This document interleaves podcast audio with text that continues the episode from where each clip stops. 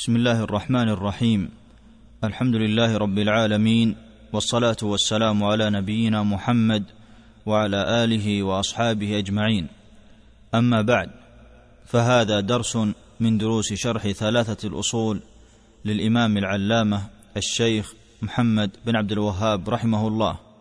قال المصنف رحمه الله والرب هو المعبود المصنف رحمه الله بنى ما تقدم من بداية هذه الرسالة فإذا قيل لك من ربك?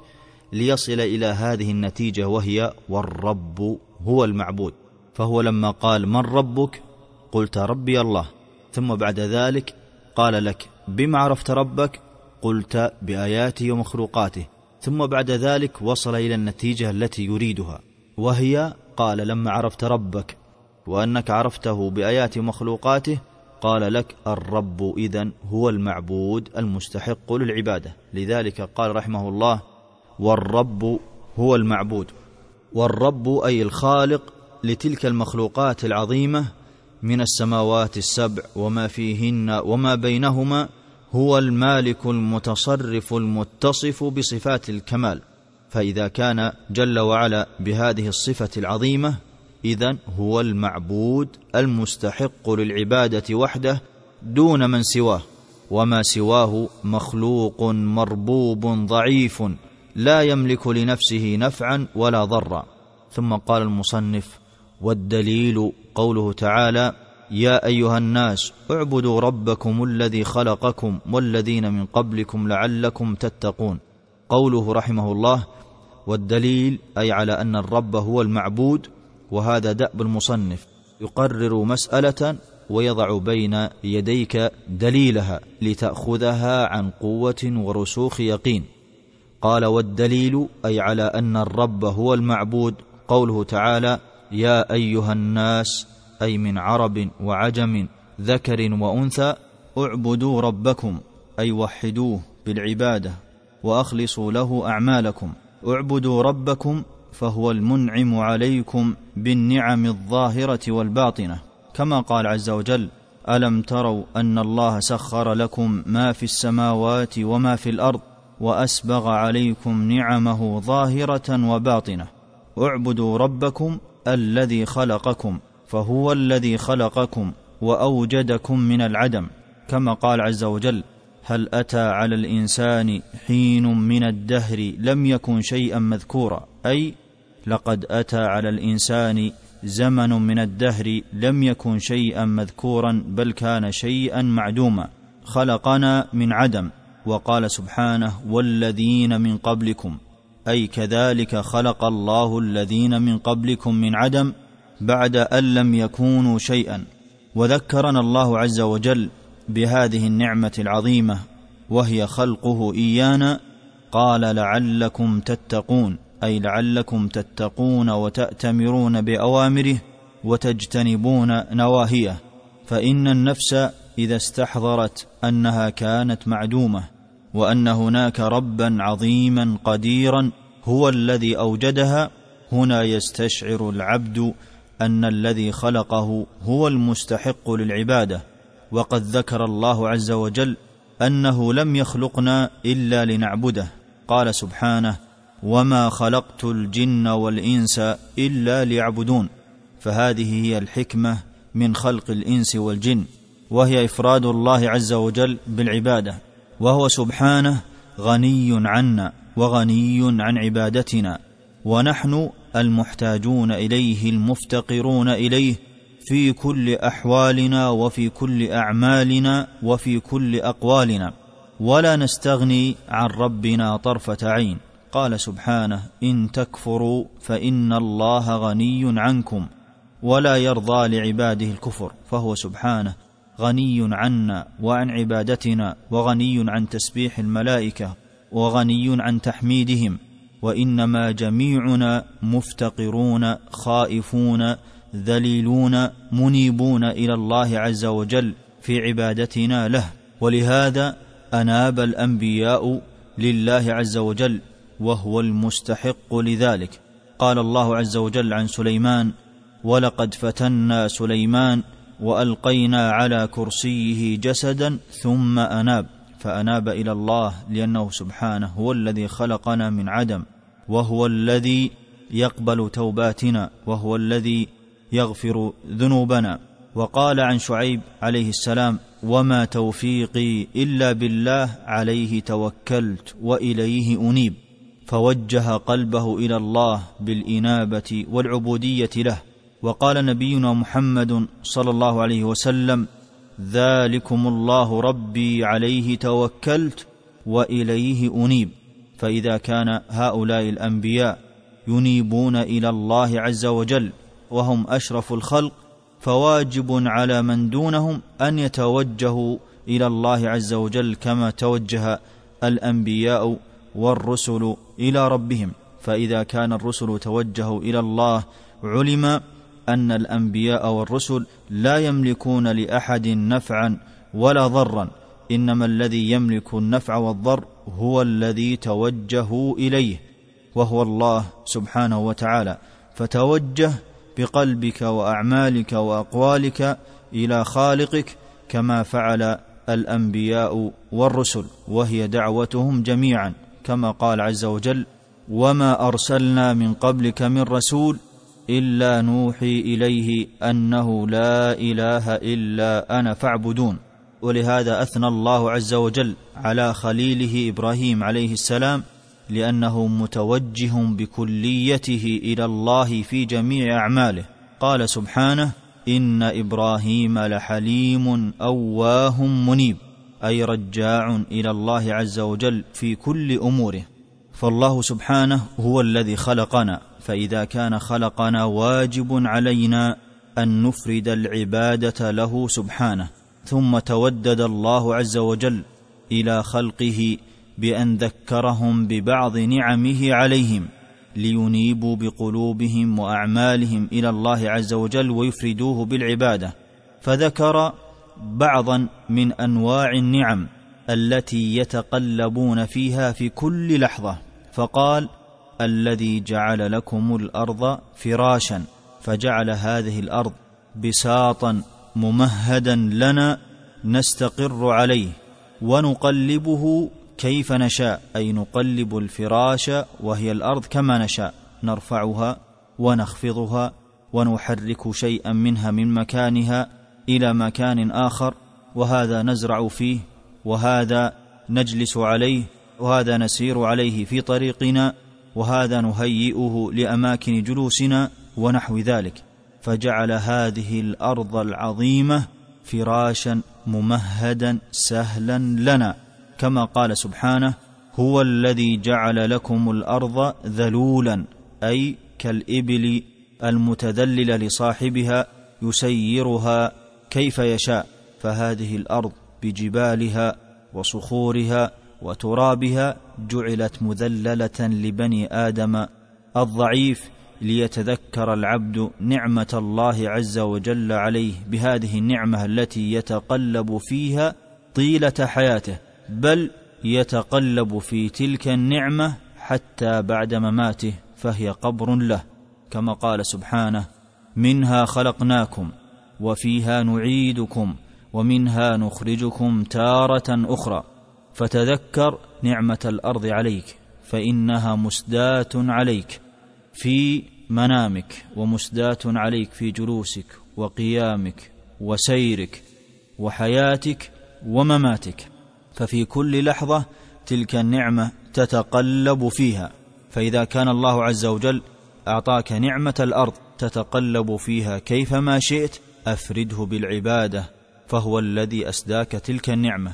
بل وذكر الله لك نعمة أخرى مقترنة بها فقال سبحانه والسماء بناء فأعطاك السماء أيضا قبة مضروبة عليك وسقفا محفوظا مزينا بالمصابيح والعلامات تهتدي بها في ظلمات البر والبحر.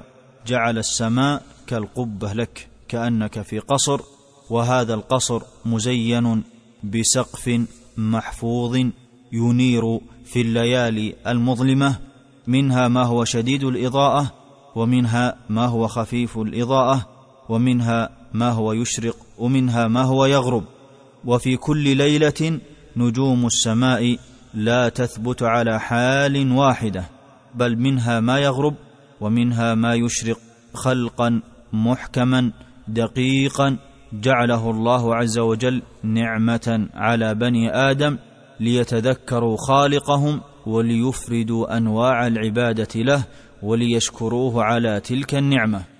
ثم ذكر الله عز وجل نعما أخرى أنعمها علينا غير نعمة الأرض وغير نعمة السماء فقال وأنزل من السماء ماء فأخرج به من الثمرات رزقا لكم. أي أنزل من السحاب الذي في السماء أنزل منه ماء عذبا مباركا.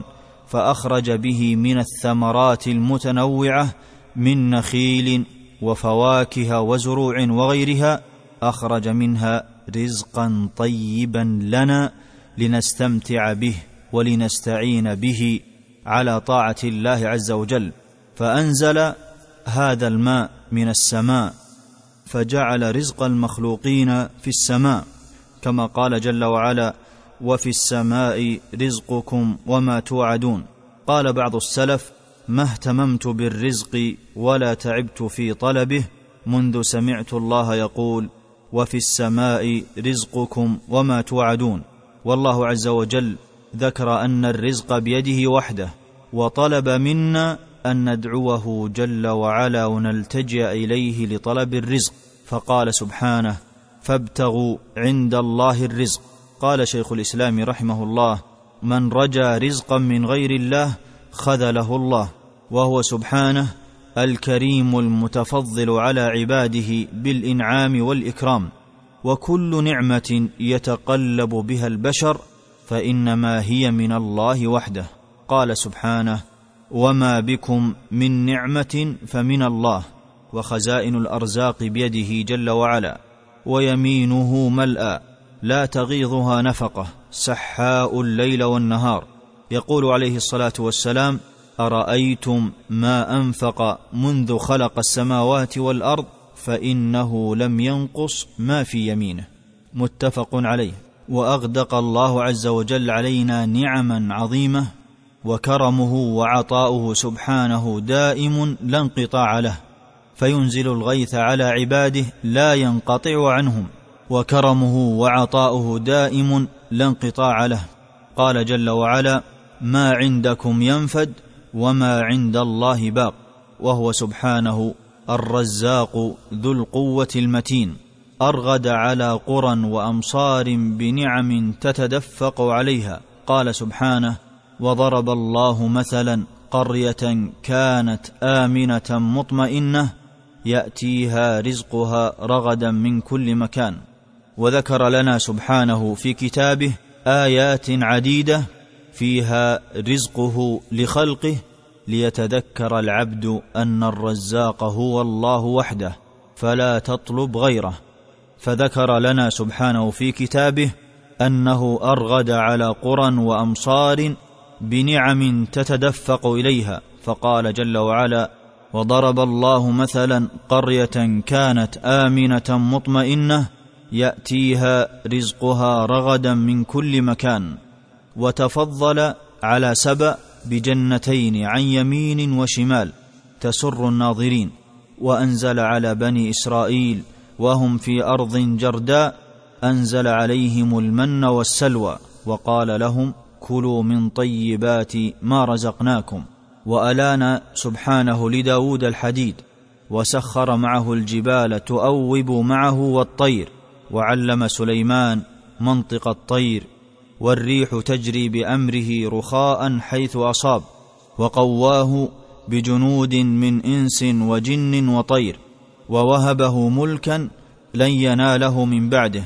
قال وأوتينا من كل شيء قال الله له هذا عطاؤنا فمن أو أمسك بغير حساب.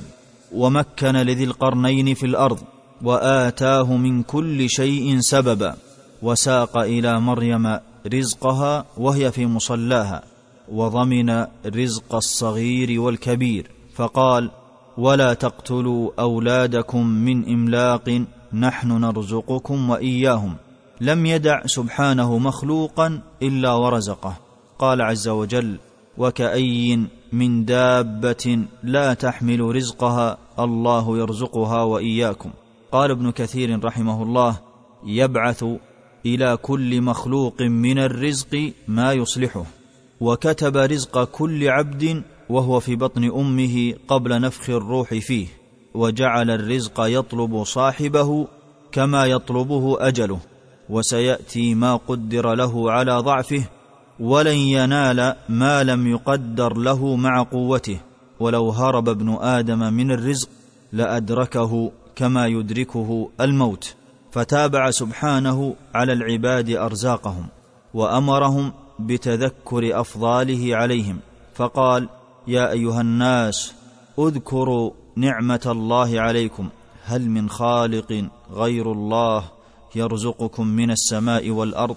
فذكرنا الله عز وجل في الآية التي ساقها المصنف ثلاث نعم عظيمة يتقلب بها العباد لعلهم يعون ويتذكرون وهي نعمة الأرض والنعمة الثانية نعمة السماء والنعمة الثالثة نعمة إنزال الماء من السماء. فقال سبحانه وأنزل من السماء ماء فأخرج به من الثمرات رزقا لكم فإذا أيقنتم أيها العباد هذه النعم التي أغدقها الله عز وجل عليكم فلا تجعلوا لله أندادا وأنتم تعلمون. أي ومن كانت هذه نعمه فهو المستحق أن يعبد وحده. فاشكروا نعمه بل أعظم الشكر هو التوحيد. لهذا قال فلا تجعلوا لله أندادا أي شركاء ونظراء معه في العبادة. وأنتم تعلمون أي وأنتم تعلمون بطلان ذلك وأنها لا تستحق العبادة. فكيف تعبدون معه آلهة أخرى مع علمكم ببطلان ذلك؟ فما شكر العابد ربه بمثل شكره بالتوحيد. بأن يصرف العبد أفعاله وأقواله وأعماله وأن يوجه قلبه لله وحده عز وجل. فإذا فعل العبد ذلك بأن امتثل أوامر الله واجتنب نواهيه فقد شكر الله على ما أنعم عليه من تلك العبادة. وأعظم كفر النعمة هو كفرها بالإشراك بالله سبحانه بأن يغدق الله عليك النعم ولكن لا تشكر ربك وإنما تصرف العبادة لغيره فيعطيك الله عز وجل العقل واللسان فتعبد وتتوجه بعقلك وقلبك إلى غير الله بأن تطلب المدد من غير الله سبحانه. ومن كفر النعمة أن الله يعطيك مالا فتأخذ هذا المال وتشتري به من بهيمة الأنعام ثم تذبحها عند قبور الأولياء والصالحين. هذا كفر بالنعمة التي أعطاك الله إياها. فخذ هذا المال وأنفقه ابتغاء وجه الله وحده. ولا تصرف شيئا منه للأولياء ولا للقبور. والله سبحانه يتودد إليك ويقول أنا الذي أعطيتك النعم. والأموات لا ينفعونك ولا يضرونك. وإنما إذا التجأت إلي فرجت كربك وأعطيتك سؤلك وقد أمنع عنك إجابة الدعاء ابتلاء وامتحانا لك لرفع درجاتك أو لأدخر دعواتك في الآخرة أو لأصرف عنك من الشر بمثل ما دعوتني. أما توجهك أيها العبد إلى قبور الأولياء والصالحين والأموات فإنهم لا ينفعونك. يأخذون منك جهدا ومالا وظلمة للقبر وأيضا لو مكثت عندهم سنين عددا فإن تلك الأعمال تذهب عليك هباء بل وأشد من ذلك أن فعلك هذا يحبط جميع أعمالك الصالحة من صيام وحج وصدقة وصلة رحم وإحسان للآخرين لأنك فعلت ذنبا عظيما وهو أنك أشركت مع الله غيره. ومن أعظم ذلك أيضا أن من فعل ذلك خلد في النار والعياذ بالله ولم يرح رائحة الجنة. قال عز وجل إنه من يشرك بالله فقد حرم الله عليه الجنة ومأواه النار. وما للظالمين من أنصار. وما يضرك أيها العبد لو توجهت إلى الله وقلت يا رب فرج كربتي. يا رب حقق أملي في كذا وكذا. ما الذي يضرك إذا توجهت لهذا الرب العظيم القدير الكريم الودود اللطيف الرحيم الغفور الذي وعدك بأن يجيب دعواتك؟ فإذا كان هذا الرب العظيم الكبير الملك قال ادعوني أستجب لكم فلماذا تبتعد عن الله سبحانه؟ بل أقبل على الله بكليتك وقد فتح لك أبواب السماء وهو الذي ينزل في كل ليلة في الثلث الآخر من الليل وينادي عباده من يدعوني؟ فأستجيب له من يسألني؟ فأعطيه من يستغفرني؟ فأغفر له هو الذي يتودد إلينا وهو الغني الحميد ليس محتاجا إلينا وينزل إلى السماء الدنيا وينادي عباده اسألوني اعطكم سؤلكم. ونحن نبتعد عن الله عز وجل بل يجب علينا أن نقرب منه وأن ندعوه سبحانه في كل شيء حتى في اللقمة وحتى في الكسوة. كما قال النبي صلى الله عليه وسلم قال الله تعالى يا عبادي كلكم جائع إلا من أطعمته فاستطعموني أطعمكم.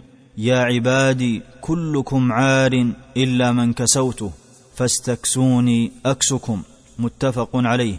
فإذا كان الرب يطلب منك أن تلتجأ إليه وتدعوه حتى في اللقمة وحتى في الكسوة هذا يدلك على أن الله عز وجل قدير عظيم رحيم. يتودد إليك اسألني أعطك سؤلك. فواجب علينا أن نوجه قلوبنا إلى الله سبحانه وفي كل أمر نرفع اكف الضراعة إليه فهو كاشف الكروب ودافع الغموم ورافع الهموم. قال سبحانه وإن يمسسك الله بضر فلا كاشف له إلا هو وإن يمسسك بخير فهو على كل شيء قدير. لذلك قال سبحانه في الآية التي ساقها المصنف فلا تجعلوا لله أندادا وأنتم تعلمون تعلمون أنه لا ينفعكم ولا يضركم سوى الله فالتجئوا إليه. وهذه الآية جمعت بين الأمر بعبادة الله والنهي عن عبادة ما سواه. في قوله فلا تجعلوا لله أندادا. وهذه الآية هي أول أمر في كتاب الله. فكتاب الله أول أمر استفتح فيه بهذا الأمر. اعبدوا ربكم. فإذا تلوت القرآن العظيم أول أمر يأتيك قبل إقامة الصلاة وإيتاء الزكاة وقبل جميع الشرائع أول أمر اعبدوا ربكم أي وحدوا ربكم مما يدلك على أهمية التوحيد. وأول نهي تقرأه في كتاب الله إذا قرأت أوله أول آية تجدها في النهي فلا تجعلوا لله أندادا وهو النهي عن الشرك. مما يدل لك دلالة ظاهرة واضحة على أن أعظم أمر عنده سبحانه هو الأمر بالتوحيد وأن أعظم نهي وذنب عنده جل وعلا هو ذنب الشرك. وقد احتج عليهم تعالى في هذه الآية بما أقروا به وعلموه من توحيد الربوبية لأنهم أي المشركون مقرون بأن الله هو الخالق. الرازق. لذلك قال الله لهم جعل لكم الأرض فراشا والسماء بناء وأنزل من السماء ماء. فهم مقرون بأن الله هو الذي خلق السماوات وهو الذي خلق الأرض وهو الذي ينزل عليهم الماء.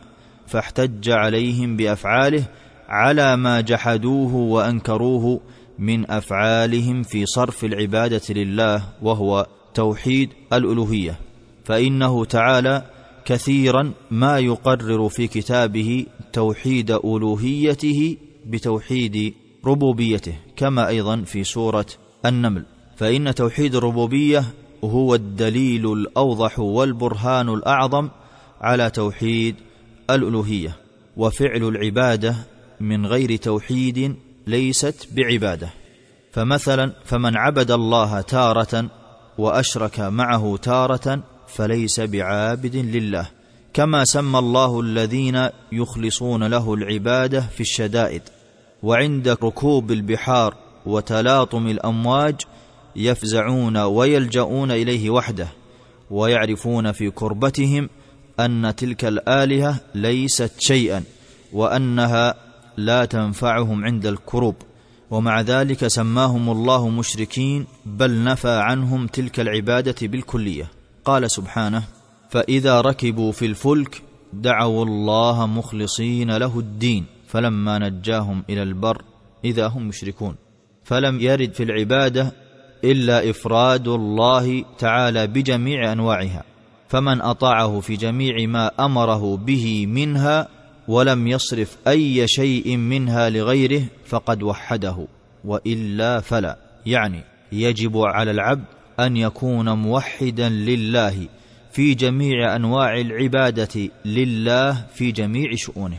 فإذا كان موحدا في أمر لكنه يشرك بالله تعالى في أمر آخر مثل من كان يصلي لله لكنه يذبح لغير الله أو يطوف لغير الله وهو يصلي لله ويحج لله فهذا لا يسمى مسلما إنما المسلم هو الذي يجتنب جميع أنواع الشرك.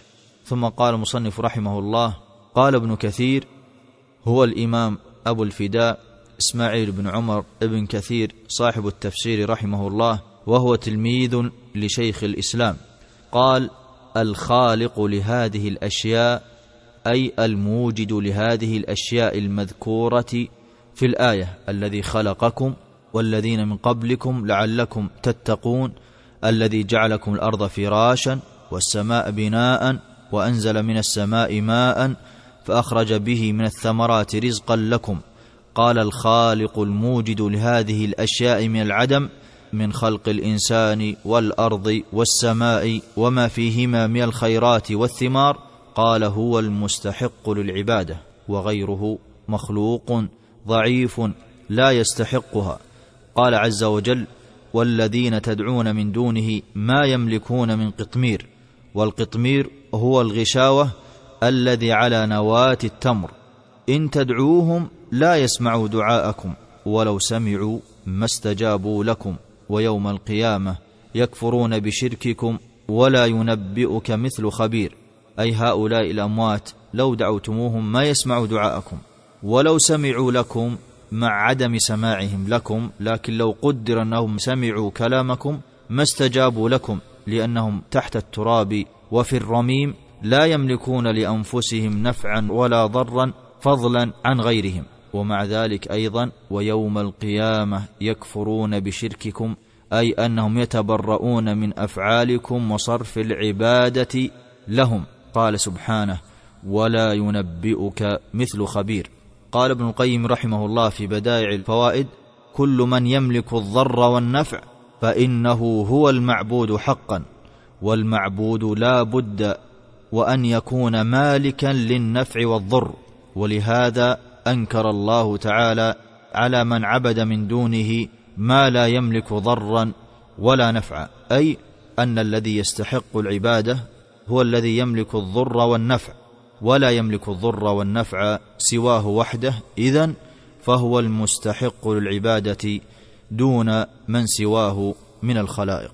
وإلى هنا نأتي إلى نهاية درس من دروس شرح ثلاثة الأصول للإمام العلامة المجدد الشيخ محمد بن عبد الوهاب رحمه الله. وصلى الله وسلم على نبينا محمد وعلى آله وأصحابه أجمعين. تم تنزيل هذه المادة من موقع نداء الإسلام www.islam-call.com